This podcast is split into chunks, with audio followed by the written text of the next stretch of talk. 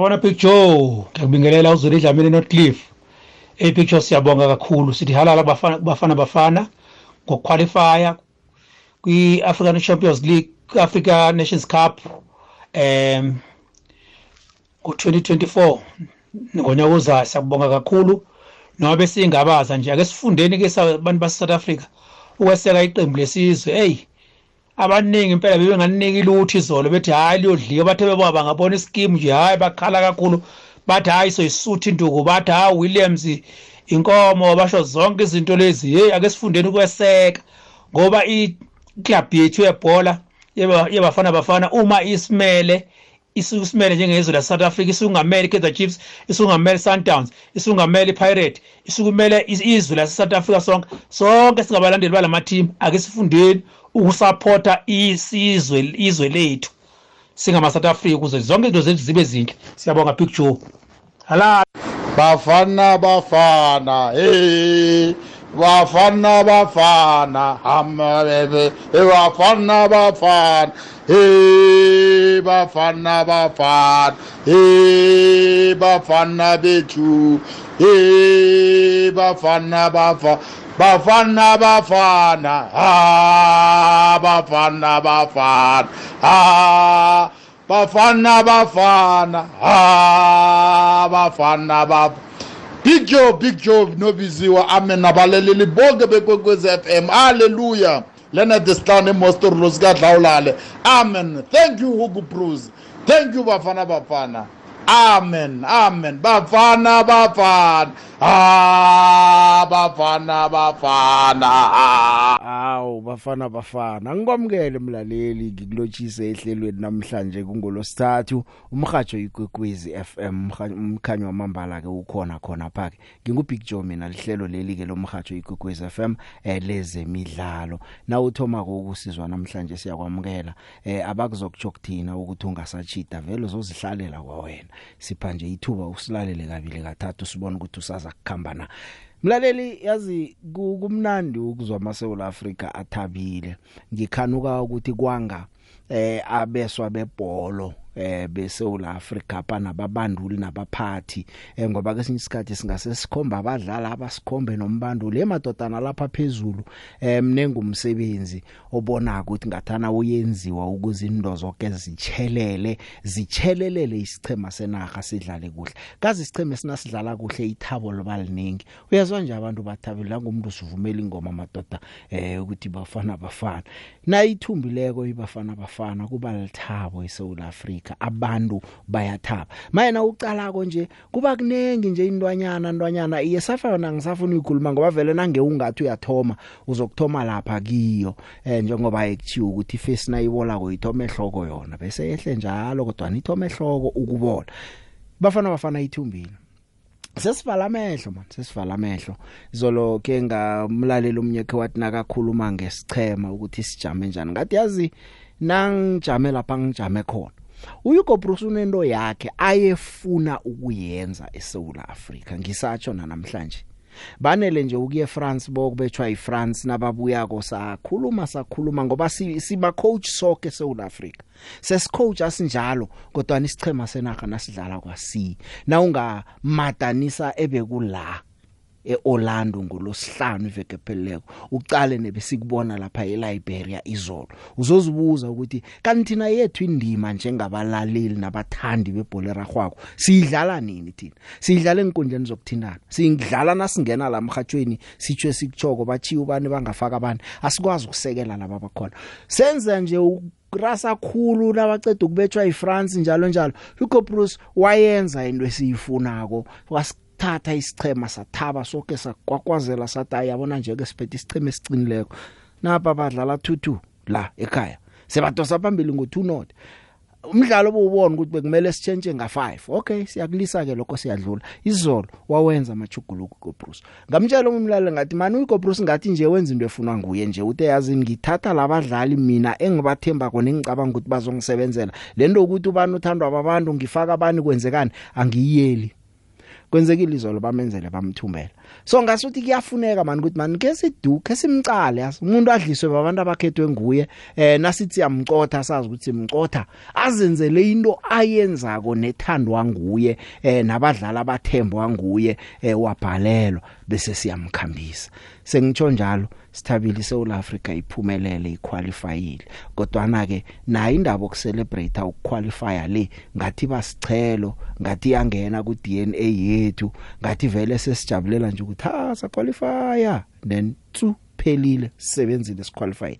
Siyaya ke AFCON eh kodwa noYugo Bruce uthi uyoskipha kuma group stages. Sesasithembisa ukuthi kuma group stages uyaskipha uHugo Bruce Nangenza njalo bengidlalela ihlelo kazi saza kukhuluma nawe wakho umbono sizawuzwa kodwa na ngaphambi kokungena khulu endabeni zake uBruce simuzwe nokuthi uthini. Izolo ama Proteas eh ngikhuluma ngama Proteas njengoba ngisiyawacheja nasibabantu. Iye sekungolosithathu kulanga lebhola njalo. Eh siyawacheja siya monitor sifuna ukuqualify la ibigiri yephasi. Noma umdlalo lobo ungekho ngaphasi kwe Super League esisiza ukuthi siqualify la ibigiri yephasi kodwa uyakhona ukubona ukuthi kwenzekani ulandele.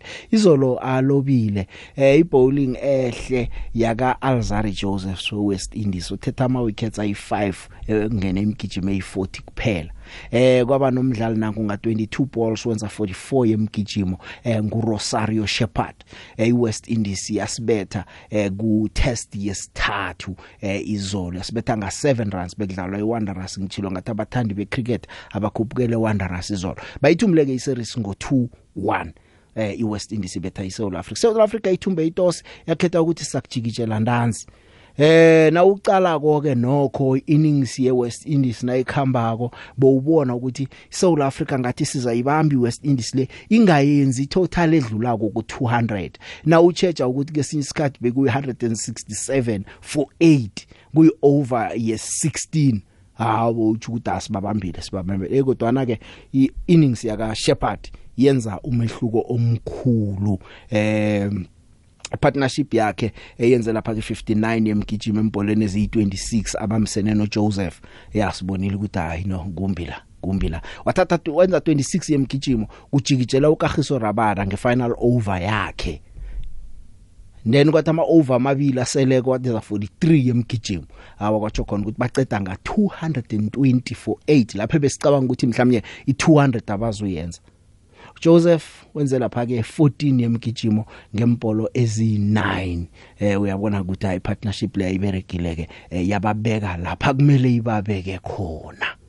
Kodwa ke South Africa nayo ize ngamandla ke sathi ayiza kufika iza kufika iza kufika bekumele enza 221 eh ukhona lapha uRiza Hendricks lapha enze khona ke eh, 83 emgijimo empolweni eziyi44 eh satsho sathi siyaya ke siyaya siyaya siyaya siyaya. Bano Riley Rousseau eh i partnership yabo yakhamba kamnandi. Safika ku 149 for 2 ngeover CS15 ah kodwa ke izinto zachuguluka ke zachuguluka amabowlers we West Indies akwazi ke ukuthi manje ke aslowe umdlalo imigijimo engasangeni bathatha ama key wickets lapha nalapha lapha nalapha. Kwatsho khona ke ukuthi awa vele sigcina sihlulekile. Bese ngikubeka nje emkhanyweni womdlalo wayizolo. Captain esichema uEden Makram azange afune nje ukukhetha ukuthi hey iphoso yenzeke kuphi yenzeke kuphi? Uthi akafuna ukuthatha umuntu amphose ngaphasi kwebhesi akhombe ukuthi kwenzekeni kwenzekeni eh kodwa na ke isichema batsho sizakufunda ngemphoso. Eh kanti ke uyakhuluma nango Riza Hendricks. uRiza Hendricks sebenze kuhle. i-T20 career best yakhe le 83 runs empolweni eziyi44 ngiyokuthengisa nangibuya kosokuzwa ngaye eh u captain uMakram I don't think you can um, point out a single moment. Um, obviously, there's moments throughout the game that could end up making a big difference. Yes, that was one of them, but um, it's pretty much down to self-reflection, I would say, and um, me sitting, seeing how I could have done things better that would have benefited the team, and the same applies to all other guys at Vomit Park. So, um, yeah, we don't want to um, pinpoint any moments. Um, very often in cricket games, catches do get dropped and mistakes do get made, so it is to an extent part of the game. Um, but uh, yeah, like I mentioned, it's it's all self-reflection now, and if guys can learn from it and, and, not repeat the same mistakes, I think we're going in the right direction. His consistency is unbelievable. Um, I'm not too sure of the stats, the, the past sort of maybe 10 games that he's played, but I would say he's gone past 50 quite a few times in those last 10 games. And um, for someone to be at the top of the order and setting the tone like that and helping the middle order sort of free it up after that is it's a huge role that he's doing incredibly well for us. So um, I'm happy for Riza. He's, he's, he's got an opportunity now, and um, pretty much every time he gets that opportunity, he takes it with both hands. So he's doing a great job for us. His consistency is, is huge for us at the top of the order, and um, yeah, long may it continue, hopefully. Ya ma Proteas eh, sikhulumile sathi eh, ira ejali ababanduli bacha nangendlela abakhethe ngakhona nabo captain bacha eh, nokho khona kuyathembisa kuyathembisa. Eh, kuza kulumatha kuvuthwe kufike lapha siya. Kuyathembisa ngezwe wasola ulutho. Ukuloba kuloba it's part of the game. You win some you lose some uya draw nok draw eh kwanje babonakala basendimeni ehle abeswa bama Proteas ngiphume ngize lapho ke uHugo Bruce phambilini usitshele South Africa wathi ngibulalana ngengabhalwa kufika eh lapha ke ku Afcon nje ke uyabuya goduke uyaphefumula kumnandi sichema sithumbile ngo2-1 sibethe iLiberia lapha eMonrovia eh sesaplanela icompetition lapha eIvory Coast. Uthina njengobulalani nasikike sidlule kuma group stages wehlelo. Eh ukholwa ukuthi batsho iSouth Africa inaga enekhono ekumele ngathana ihlala icompete ku Afcon njalo ungatholi bathi amanye asiqualify amanye kwenzekani. Ya ngiyavumelana naye ikhono likhona kodwa nakuzokubabudisa ama coaches sibaningi ekhaya sibaningi khulu. Eh walalela wonke umuntu okhuluma ngebhola ragwako eSouth Africa eh uzokulahlekelwa nayi into wena othi ufuna ukuyakha. Eh ngoba nomunye umbani uzokufika naye siyomcoacha net njengayo Hugo Bruce lo sima South Africa khona nokho sinelungelo sicema ngesethu inaga ngeyethu nethe kufele kumbondo umbando loqinileko oyimela ke into akathi mina ngenza nje ngiyayibona ukuthi yapi simakhele umkhanyo. Eh South Africa ke ngemzuzu yokugcina khona madoda bese sicimezile sivala amehlo vele sikagarele. Kube namabhola amabili eh ama clearance lapha seka ku goal line ku last 5 minutes. Ubona nje ukuthi kumelele ecumdala ngene kodwa nasabambelela uzakhele lipasa uphiwe ithuba komthokoza umbandulo wenza nombandulo uthangazisoli ngokumupha ithuba. Walivalela phakathi igondelo. Yabuye iLiberia linganisa eh William Jeba sabe satsho sathi nakho ke kusibuyelela ke kwamhlokha ke eh betha kude na nje ujeba nalelo libetha kudanyana. Eh na ukhumbula ukuthi lela lokulinganisa ivekela ngolosihlanu nalo lasukapi nalo leli pheze irange engako langena ke nalo. Siqinini sesibili ke nokho umihlalo mayambela wawenza umsebenzi walivala phakathi awake sathumba ke nokho ke bese sicimezile thina ndoda sihlezi macuphe entulweni zethu ukuthi umdlalo lo awupheleke nje madoda kuzosibuyelela.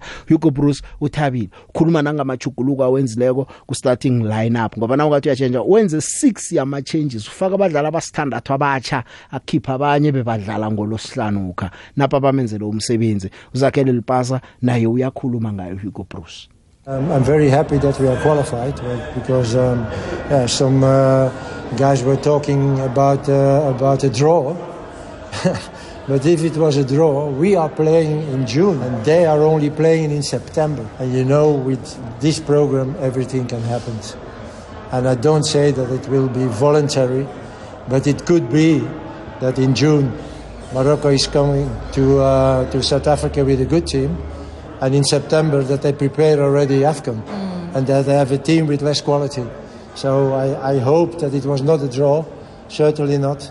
Uh, and now for us it's a, a very good friendly game, even it's a qualifier, but it's a very good friendly game in June. Result is not important, but again we will try to prepare that team very good and be ready in January for the AFCON in Ivory Coast. It's difficult to, uh, to express my feelings. There are a hundred feelings going through my body for the moment. It was a very tough game. Um, we knew the style of uh, Liberia is power play. It's uh, long balls to the front and then uh, then headers and and, and, and powerful duels. Therefore, we changed some uh, some players in in our team, players who are powerful, also like Mayela, like Sitole. Uh, and I think uh, we did good to do that. And um, when you see it both games, I think we deserve it also. With, uh, with Zakele, he's a guy who runs 90 minutes. Uh, he scored a, fantastic goal. He's, he's very uh, quick, uh, and he was yeah, he was always there all, all the game. He was present, so that's why we changed um, Zakele.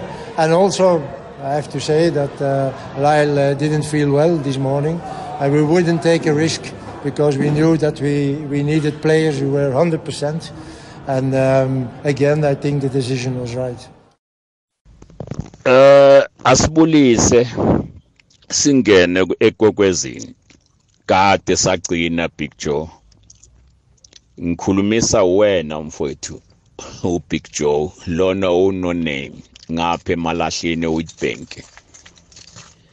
Baba eh ungishayele ungibekele ngendlela elungile ngendlela exacisa kahle kubalandeli bebhola bonke eSouth Africa. Kuthi ngempela ngempela ngihlezi ngiyisho kuwena ngitshela abalaleli ukuthi asicoach futhi asinadlapa asina scam scam leso sibizwa ukuthi scam asinaso. Sinaso ngoba sifavor kuphela nje. Asingama coach futhi. Ngake ngakusho lokho ngathi kwethu ukulandela kuphela. Kuthi kwenzakalani? Kwaziwa abanikazi bakhona. Kuthi bawothatha bani bambeke kuphi bathathe bani bambeke kuphi? Nasekuqasheni kwabadlali nasekucasheni kwamacoacha akusithina esifuna sibe phambili lapho. Futhi noma ungaba phambili ngeke uvuke umbono wakho usebenzile lapho. Kwakho ukuthi ukhokhe imali uyobukela ulandele kuphelela lapho. Ngiyakubonga baba. Uma ngabe bazokulalela ilizwe lakho olukhulumile namhlanje kuze bahlale phansi bahluze imqondo babuke ukuthi kuyini okufanele kwenziwe kuyini emina ngumlandeli engimele ngikwenze iphathi yami. Amen. The big hayi ayikhensisa bafana bafana. Hayi tlange kahle. Mhaka yikulu kuwina heyi ya. Yo ka ni nga tsakanga kahle xipano xa hina xa mozambique mani a xi yi tekile hansi at least loko a xi tlange draw swi nga dyiwe five one loko a xi fike kaya xi tlanga draw a swi ta va swi antswa loko a xi ta ku five points se eh anyway ta vona ka ti-game ti landzelaka kambe a hi khensisa bafana bafana thank the big if mangani kola esinawani soweto vela emkhanyweni ikwekwezi fm ikhona Uh, Big Joe, uh, eating Bingele. Big Joe, um, firstly, I want to ndifuna kulaa ndaba uyithethe ukuthi um ekhona divorce wenzani nami that's a question i'm having. Okay i hear ucoach esithi uzosibeka at least u he will try at least singene kuma siphume kwi-first round sibe sekhona singene kwi-second level. But yeah uh, it's very difficult. Okay coming to this issue leyo ukuthi but look i-football it's an emotional sport. There's no way that whoever the coach is that we as a support like sorry Ngunzuzo, I Cape Town we as supporters can just fold our our we have to our our opinion is also the fact that there's a coach doesn't mean that we shouldn't have an opinion. Um, we should have an opinion irrespective whether we've got a coach, we've got whoever, not going to the stadium. Uba uye stadium, that means una problem. I mean, who would want to support a team that would hate you, hate you every day? You don't. You don't. I, I think on the other hand, we need to be fair to the supporters as well. Because sometimes I think we're unfair to the supporters. We want supporters to go and to go and support what a failure. No, no, no, no, no. Because if we do so, I, I don't encourage. Okay, people should go to the stadium. Nama, because I, I, I'm not priv- I'm not privileged to Bangai Stadium, but I always listen to Abafan Abafan over the radio or whatever source I can manage. But I do also understand why people, a person wouldn't pop up his money, ebezothenga isonka or whatever, ayobukela about knowing that those people abakho kuyo yonke lento. No, I think we should be fair and we should have opinion. We can have opinion about the judges, even though we are not judges. We have to have opinion. There's a way at which kunandlela esiyibona ngazo izinto, yabo. So if Hugo Bruce be right when they do right that's right right. And we need to put pressure kuye naye. We cannot just fold our arms do noba sesithuka noba sesi-undermine sithi ah ah no. Yeah, I know I, I know you, that's not what you're saying. You are not saying we should fold our arms arms masithuka but uyanani endawo idelelayo la to be honest yadelela and I don't I don't like a person odelelayo no-undermineayo you might be good but if it's an underminer hayi. Yaba mihle imbono esiyithola komlaleli nawe wakho ungawuthumela umbono. Sicema senaga ngesethu yibafana bafana nginotiyani wakwamabasa eh olapha ku unplayable eh umdobhi wendaba zemidlalo isikhulukhulu ebhola eragwako tiyani ngiyakwamukela emhathweni kwekwezi FM riperile hosi. No riperile hosi mina and uh, good evening to the listeners Aha eh siyathokoza Diani isikhatshana sakho siphesona eh number 1 eh ibafana bafana iqualifyile noma iqualify sesivala amehlo sesiminyile sihlezi macuphe entulweni ngemva kweperformance yangolosihlanu lapho besijabule khona sithi uphethe team as strong yasidisappointa izolo utia uBruce wenza ama changes ayi6 wazifakela abantu bakhe ngendlela yakhe eh, wabuyela kubomayela wayevela ababiza kwekuthomeni wabuyela kunyiko mopi owayevela amthembile kwakuthomeni. Uzakhele lipasa umthanda khulu wambuyisela. Bamenzele umsebenzi abadlali bakhe ungathi Yeah much better man Big Joe you know. When you look at this Bafana team, you just have to live in hope. Let's just be honest. And uh, I know, you know, people want it to be positive uh, when they just qualified, but uh, sometimes you have to look at the manner in which you qualified uh, as well. You know, we made it very, very difficult for ourselves. And when you look at the team itself, um, I've never, since we took over Hugo Bruce, believed that we're selecting the best players for us. You know, to be honest with you, uh, if we go with that squad to, to the AFCON, we, we may repeat what happened in, in 2006, where you come back, you have no point, you have no goals, all those kind of things under Ted if you remember, I think so. You know, so that's the kind of squad that we have at the moment. As much as, uh, you know, people want to celebrate this, but uh, sometimes we just have to be honest with ourselves. We don't have the team at the moment, in my opinion. The, the, the kind of players that are in team, uh, some of them don't deserve to even come close to that team. You know, but um, you know, anyway, what can you say? Um, we qualify in a, in in a very, very difficult way.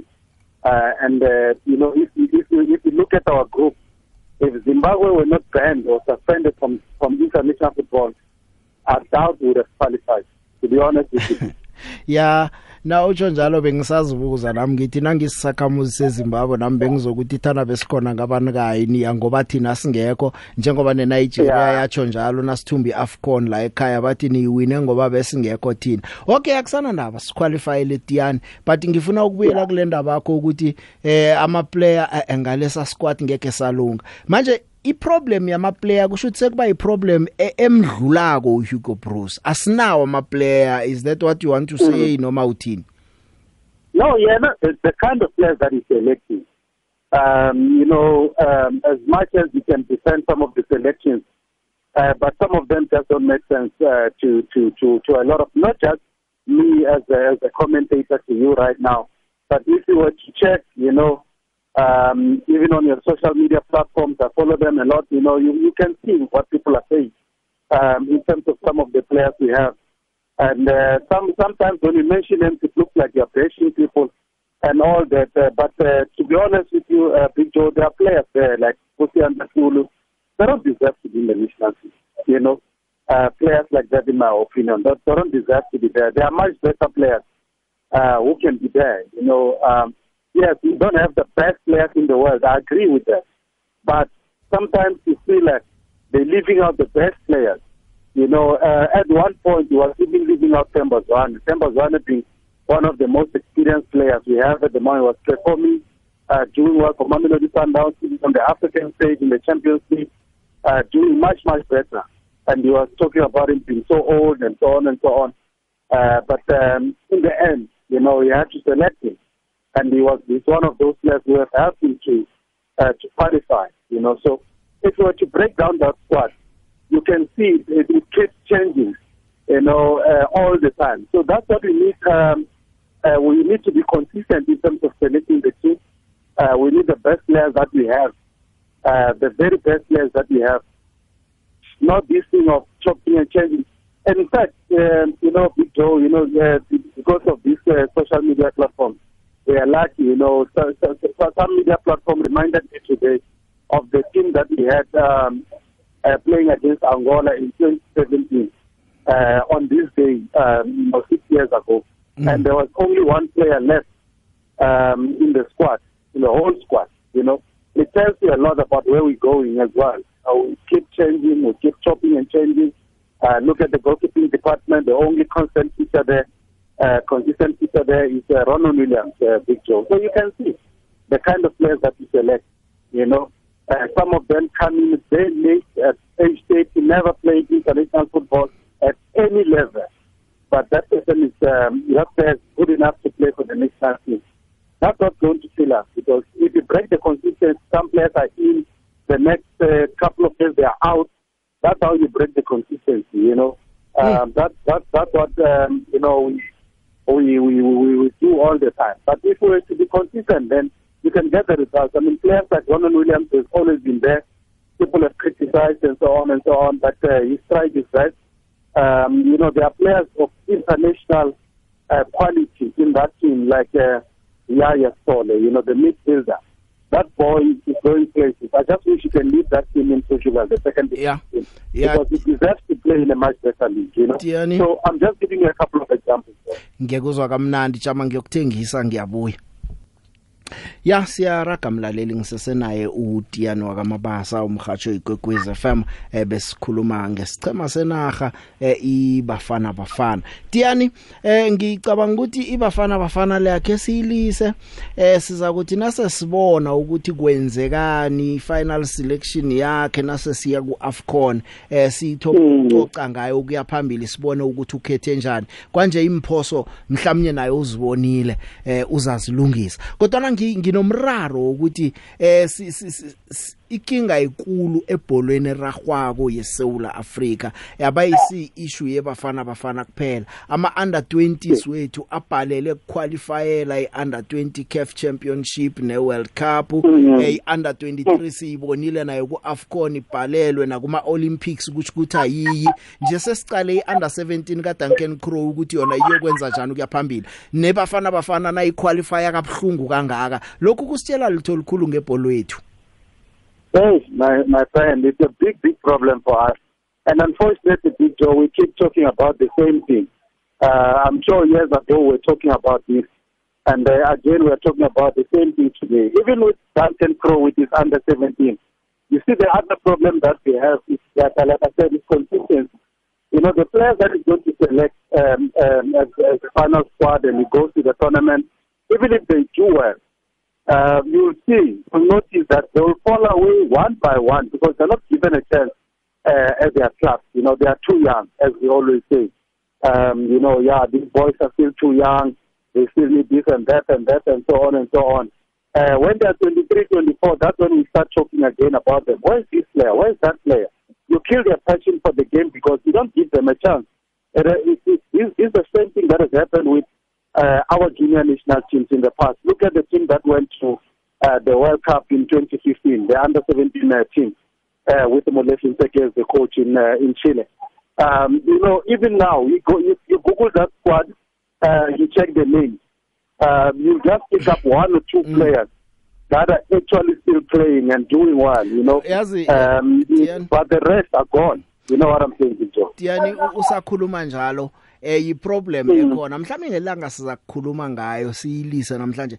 Indaba ye monitoring abadlali bethu nasibabona kuma junior national team i progression towards i, i senior national team balahleke endleleni. Yeah. usakhumbula kwakwaba nabo Daniel Matsawu kwakwaba nabo Nkipiteni Mathombo ingcebo no, no Shakes Mashaba kuyafuneka nje ngela ukuthi lwakamthola khulumela ko Shakes man wakhe waba nesiceme esihle kwakhamba kwakhamba kwenzekani? Bakhamba bayalahleka bonke ne under 23 lesiyibone nje eh, eminyakeni emibili emithathu ezako iyo bingasekho singazi nokuthi baphelele bangakafiki na ku senior national team yethu Exactly, Big Joe. That's what that's what we always do. That's what we are good at. uh, as a country. You know, uh, that under 23 team that you mentioned now um, had a lot of players, very, very good players. But at that time, they were scared to integrate those players into the senior team and replace the older players. That team was supposed to be the next Bafana Bafana, but we just took a couple of them. Kipiten Matombo, you mentioned, he never even played for the senior team, Mm. but he was best right back at that time, you know. Uh, and that team had lots and lots of other players. I mean, you can mention Bob Benny and so on, and that made it to the senior team. But it's only three, four, five players that actually made it there. When you actually had others who were supposed to make it. I remember with Matthew Booth, he was the captain of that team, but the media had to back the coaches uh, Mm. at, at the time to actually select him. You know, they were not even monitoring him in Russia. But only later, when the media was making noise about him, that's when they brought him back uh, to the national team. Um, you know, a player like Clay, for example, is the most kept under 23 player of all time with us. Mm, you know, senior but, national team. but he was never really given a chance with the senior team. That guy had 35 caps, but he never really played for the for the seniors. He only finished with what 15 caps, and those 15 caps were coming one at a time, you know, now and then. Uh, so that's what we do. We always throw our players away. Look at all all levels. That's what you see with us. Look at other countries like maybe Ghana, your Senegal. Those players, when they're doing well with the with the junior team, they always progress to the senior team. That's how they actually build to uh, build for the future. With us, we just select what's best you, or you think the players who are playing good now, and then you select them, they come in, then they go out. You know, we must make it difficult to get to the national team uh, picture. We must make it very, very difficult. For example, in central midfield, you have you have players like Tebo Mukwena, you have players like Luke Leroux, you, you still have players like uh, Stefano Stole, you still have a guy who didn't make it uh, uh, to decide sort of stuff with uh, Gamulo Flom. That that midfield alone screams quality. It, you, you you you can see that you know it's very difficult to get into that midfield. That's what we should do with all the other positions. As much as we don't have the best players in the world, but the best that we have, make it difficult in each in each position to come through. But if you keep throwing players away like this, you'll never be able to do that. ngiyathokoza eh Tiani siza kubuye sikhulume godu ngelinye ilanga ngendaba yebafana bafana njengoba sengikutholile nje ulapha ku unplayable sipha iscoop kwenzekani eh, ngizobatsho nibiziwe ikusasa lapha eNaturena and all that akhe Yeah, uh, they are moving those guys uh, at Naturena. You know, if you, if you check the strategy, it's a bit different now, uh, Big Joe. You know, they're signing players early, uh, preparing for next season. They realize that they have to compete, and that's good for a big club like that to send out a statement that they want to compete. You know, not only these players are coming, um, like oh, uh, the Kroger from Supersport, we all know about him. We also know about Gideon Simango, quality, quality defender. One of the best signings, in my opinion, in, uh, in, in, in recent history at Kaiser Chiefs. You know, but you can al- also expect other players as well, like Stacey Semaduna from uh, Amazulu. They're negotiating, and it's only a matter of time before he actually joins Kaiser Chiefs. And they're also looking at a defensive midfielder. Uh, there's a guy called Edson Castillo. He plays in uh, South America. Uh, they've been looking at him as well as a possible signing as well. So it looks like Kaiser Chiefs, you know, they, they're making a big statement finally to, to say, let's sign quality players and let's compete. And that's, that's what the, a big brand like Kaiser Chiefs demand. You can't be signing players who uh, would rather be, you know, playing for small teams and bring them to Nigeria. Otherwise, you know, if you do that, you continue to do that, you just keep, um, you know, going. And people say this is the ninth season that you're not winning anything, tenth season, and for a brand like uh, Kaiser Chiefs, that's unacceptable. Joe. Eh so far Tiani sengikuvalelisa ongaba confirma ngumdansane ngumsimango eh no ditlhoko Yeah. so far Yeah, no, Dantani uh, uh, still uh, still negotiating personal terms as far as I know. So Okay. not really confirmed, but uh, those ones are easy. Personal terms are always easy, you know. Yeah. The the difficult part is the club to club agreement, you know. So that one is as good as done as far as I'm told uh, as well, you know. So good timings, man. People who are contributing at their club, people who, when you look at them, you can see that they are going to add quality, especially um, you know a guy like even Simango. You know, for me, um, he, those are defenders that should be in the Bafana team, uh, not these other guys who are committing errors within and pick up whenever they play ball. Tiani ngithokozile kwanamhlanje eh, siza kukhuluma ngelinye ilanga Hey, Tabijo, thanks. Man. sharp sharp eh Big Joe ukhuluma noBrarey lapha eMletani eLimpopo nokuhlala ngihlala eOliven but kwamanje ngisemletani eLimpopo ngomsebenzi. Big Joe abantu bayakhuluma ngiyabezwa bayakhala ngesquad ukuthi isquad siwinile singafanelanga siwine. Eh sibe singadlali kahle. Yes sibe singadlali kahle. Kodwa siwinile. Siya sonke sijabulile kwamanje. Kodwa singathi kusasa bangeke bawine laba bantu banjani njani mase senza njalo. Sesibuyela back to ipoint ya Bruce ya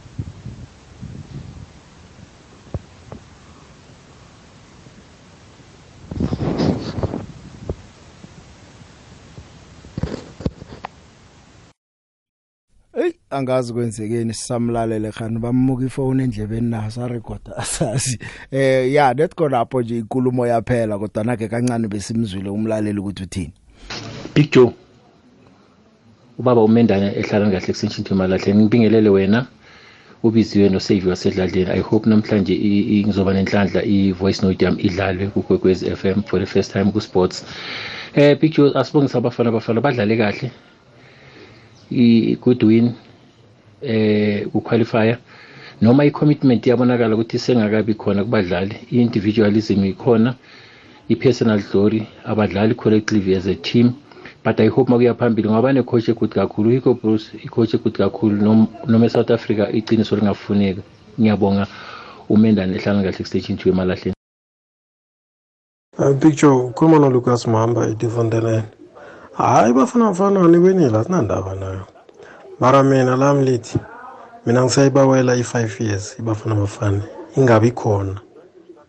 Five years and lokhu akusemhlolo khona inarha ekhe yakwenza lokhu. Ibafana bafana ikinga ukuthi ibholo lala ligcwele ipolitiki that's why bafana bafana nangisayibawela five years ingabi khona. And ukudlala kwabo lokhu sasiza kubona mara kuzobheda ekuhamba ngesikhathi ngiyathokoza.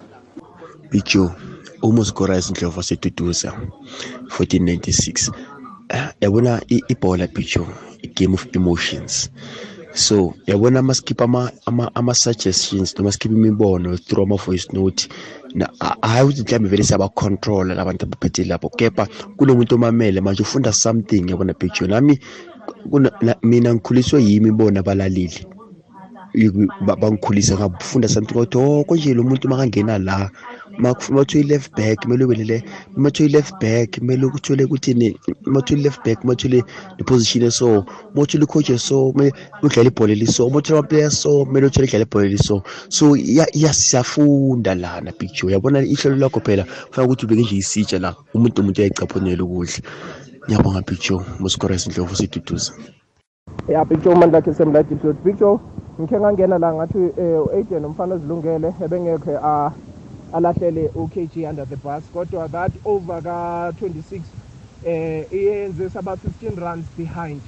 So uh Big Joe eh ngifuna ukungena kwindaba ebafana bafana. Akunanto esimbonga yona uHugo Bruce. Ucishe ucishe wasikhipha akukona bekuvele sikumele siqualify sivale amehlo. Big Joe uh, iLiberia is ranked 100 steps behind us ku-FIFA. Ranked less than Lesotho less than Swaziland less than Zimbabwe less than Botswana. Indlela esiwine ngayo nokuthi ngale ndlela bese bese kunzima nokuhlala manje. Bekungamelanga ukuthi kube kanjeyana. Asingazithathi sizibeke phansi ngale ndlela ngathi nga- angazi ngathi siyini nje. Ngathi sinamathimu a- a- enza ngcono kwi-champions league.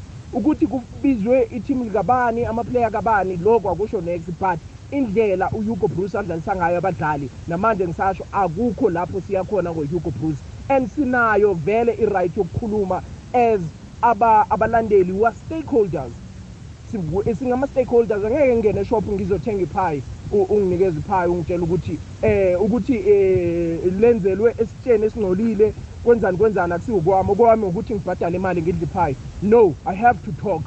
So uhugo bruce ayikho nje into ayenzile. Cishe wasikhipha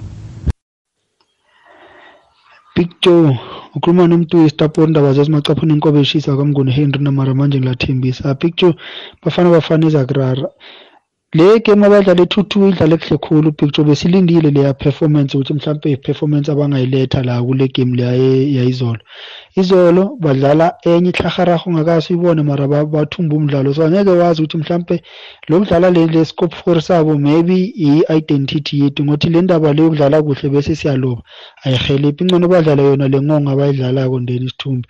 Ngothi uma ungathi u- u- u- u- u- uyasitsheja isichema sebafana bafana awusazi ukuthi siyingozi kuphi or siyingozi nge-counter attack or siyingozi ngama-free kick ngama-corner kick or siyingozi ngama-one two one two awusazi ukuthi kuhle kuhle siyingozi kuphi. Abana a- akunamdlali mina kubafana bafana engathi abona lo makangekho ibafana bafana ngekho ithike ngoba umdlalo vele sonke besimcalile ukuthi lo kungaba yi-star player sethu uthemba zwane. Kuyacaca ukuthi hugo bros hhayi kuya akusinjalo ngokuthi even nokumselekta ngathi umselekte nge-pressure. Nanga emdlalweni obalulekile emastweni umbeka ngaphandle. Ya mibono Big mlaleli. Joe akwande. Hlangana ya man Big Joe nangoriver ngedene eh angenze nje. Ya angenze nje. Uriver kajame kanti river wazingenela kwenza njani? Ngifuna ukukutshela ke ukuthi isichema eh se eh isichema se Mamelodi Sundowns sithumbe lapha ke eh iQ3 ya sebathumbe womathathu amakota maye. Ya kota 1 bayithumba kota 2 bayithumbile. eh nje bathumbe ikota 3 kusho ukuthi baphethe 4.5 million rand ye Q innovation kuphela. Ngikhuluma ngeMamelodi Sundowns eh kuqinisekisiwe ke kuqiniswa yiPSL ukuthi ikota 3 nayo ithunjwe ngibo ke ngibona ukuthi emtatweni namhlanje ngingadobha bani namhlanje? Ke sibone. Oh akunamuntu river kangeneke Big Joe akwande?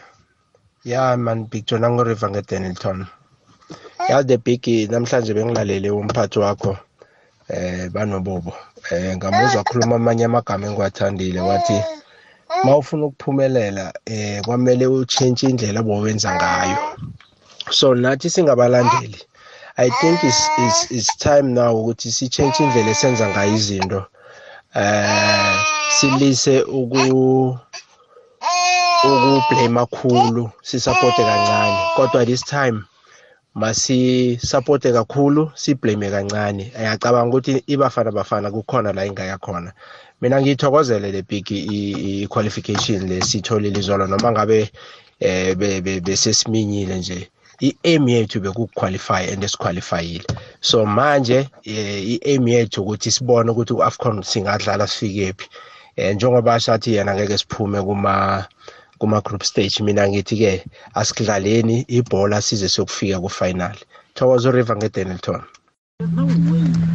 lotsha lotsha lotsha big joe lona ukayo wakamalinga edahakral big joe hayi ngithokozile big joe noma nje eyi ngicishe ngafa big joe tuesday eh the time umdlalo usuyophela. Lo jezi number 10 wabo le captain le rasta leli. Hayi big joe lalikhona big joe licishe lang langisa khona impela ICU i Tuesday big joe ngicishe ngafa impela big joe siyabonga abafana abafana siqualifyile big joe mina ke manje ngoba sesiqualifyile kuyi-one engikucelayo manje eh ku ku coaching staff ukuthi balungise lapha emuva big joe ngoba noma nga- ngathiwa akukho la sizofenyelela khona masaphethe abadlali abafana nabo siyanda xulu emuva. Sisadlala ngabo Thuba imvala abadlala emuva. Bengicela nje ukuthi nje sibu- a- abadlali abafana nabo D-Rock babuye emuva nabadlali abafana nabo lo mdlalo we-Kaizer Chiefs losuka kuSwallows abuye encu- emuva uncobo ngoba abadlali abakhulu laba istructure sabo ba- ba- bakhulu. Funeka abadlali abangathi banamandla emuva. Ma- otherwise angeke siye ndawo Big Joe eh ku-AFCON ngoba vele sizophuma ekuseni ngabo ngabo siyanda xulu ngiyabonga Big Joe kawa kamalinga eDahakran ya ngiyathokoza kai malinga. Mlaleli sesikhathi ke salako esithi ihlelo ngilibekela indaba ziseseziningi kodwa ke nakusasa kuseselanga siza kubonana ngikuchiya ezandleni ezifuthumeleko zakasibusiso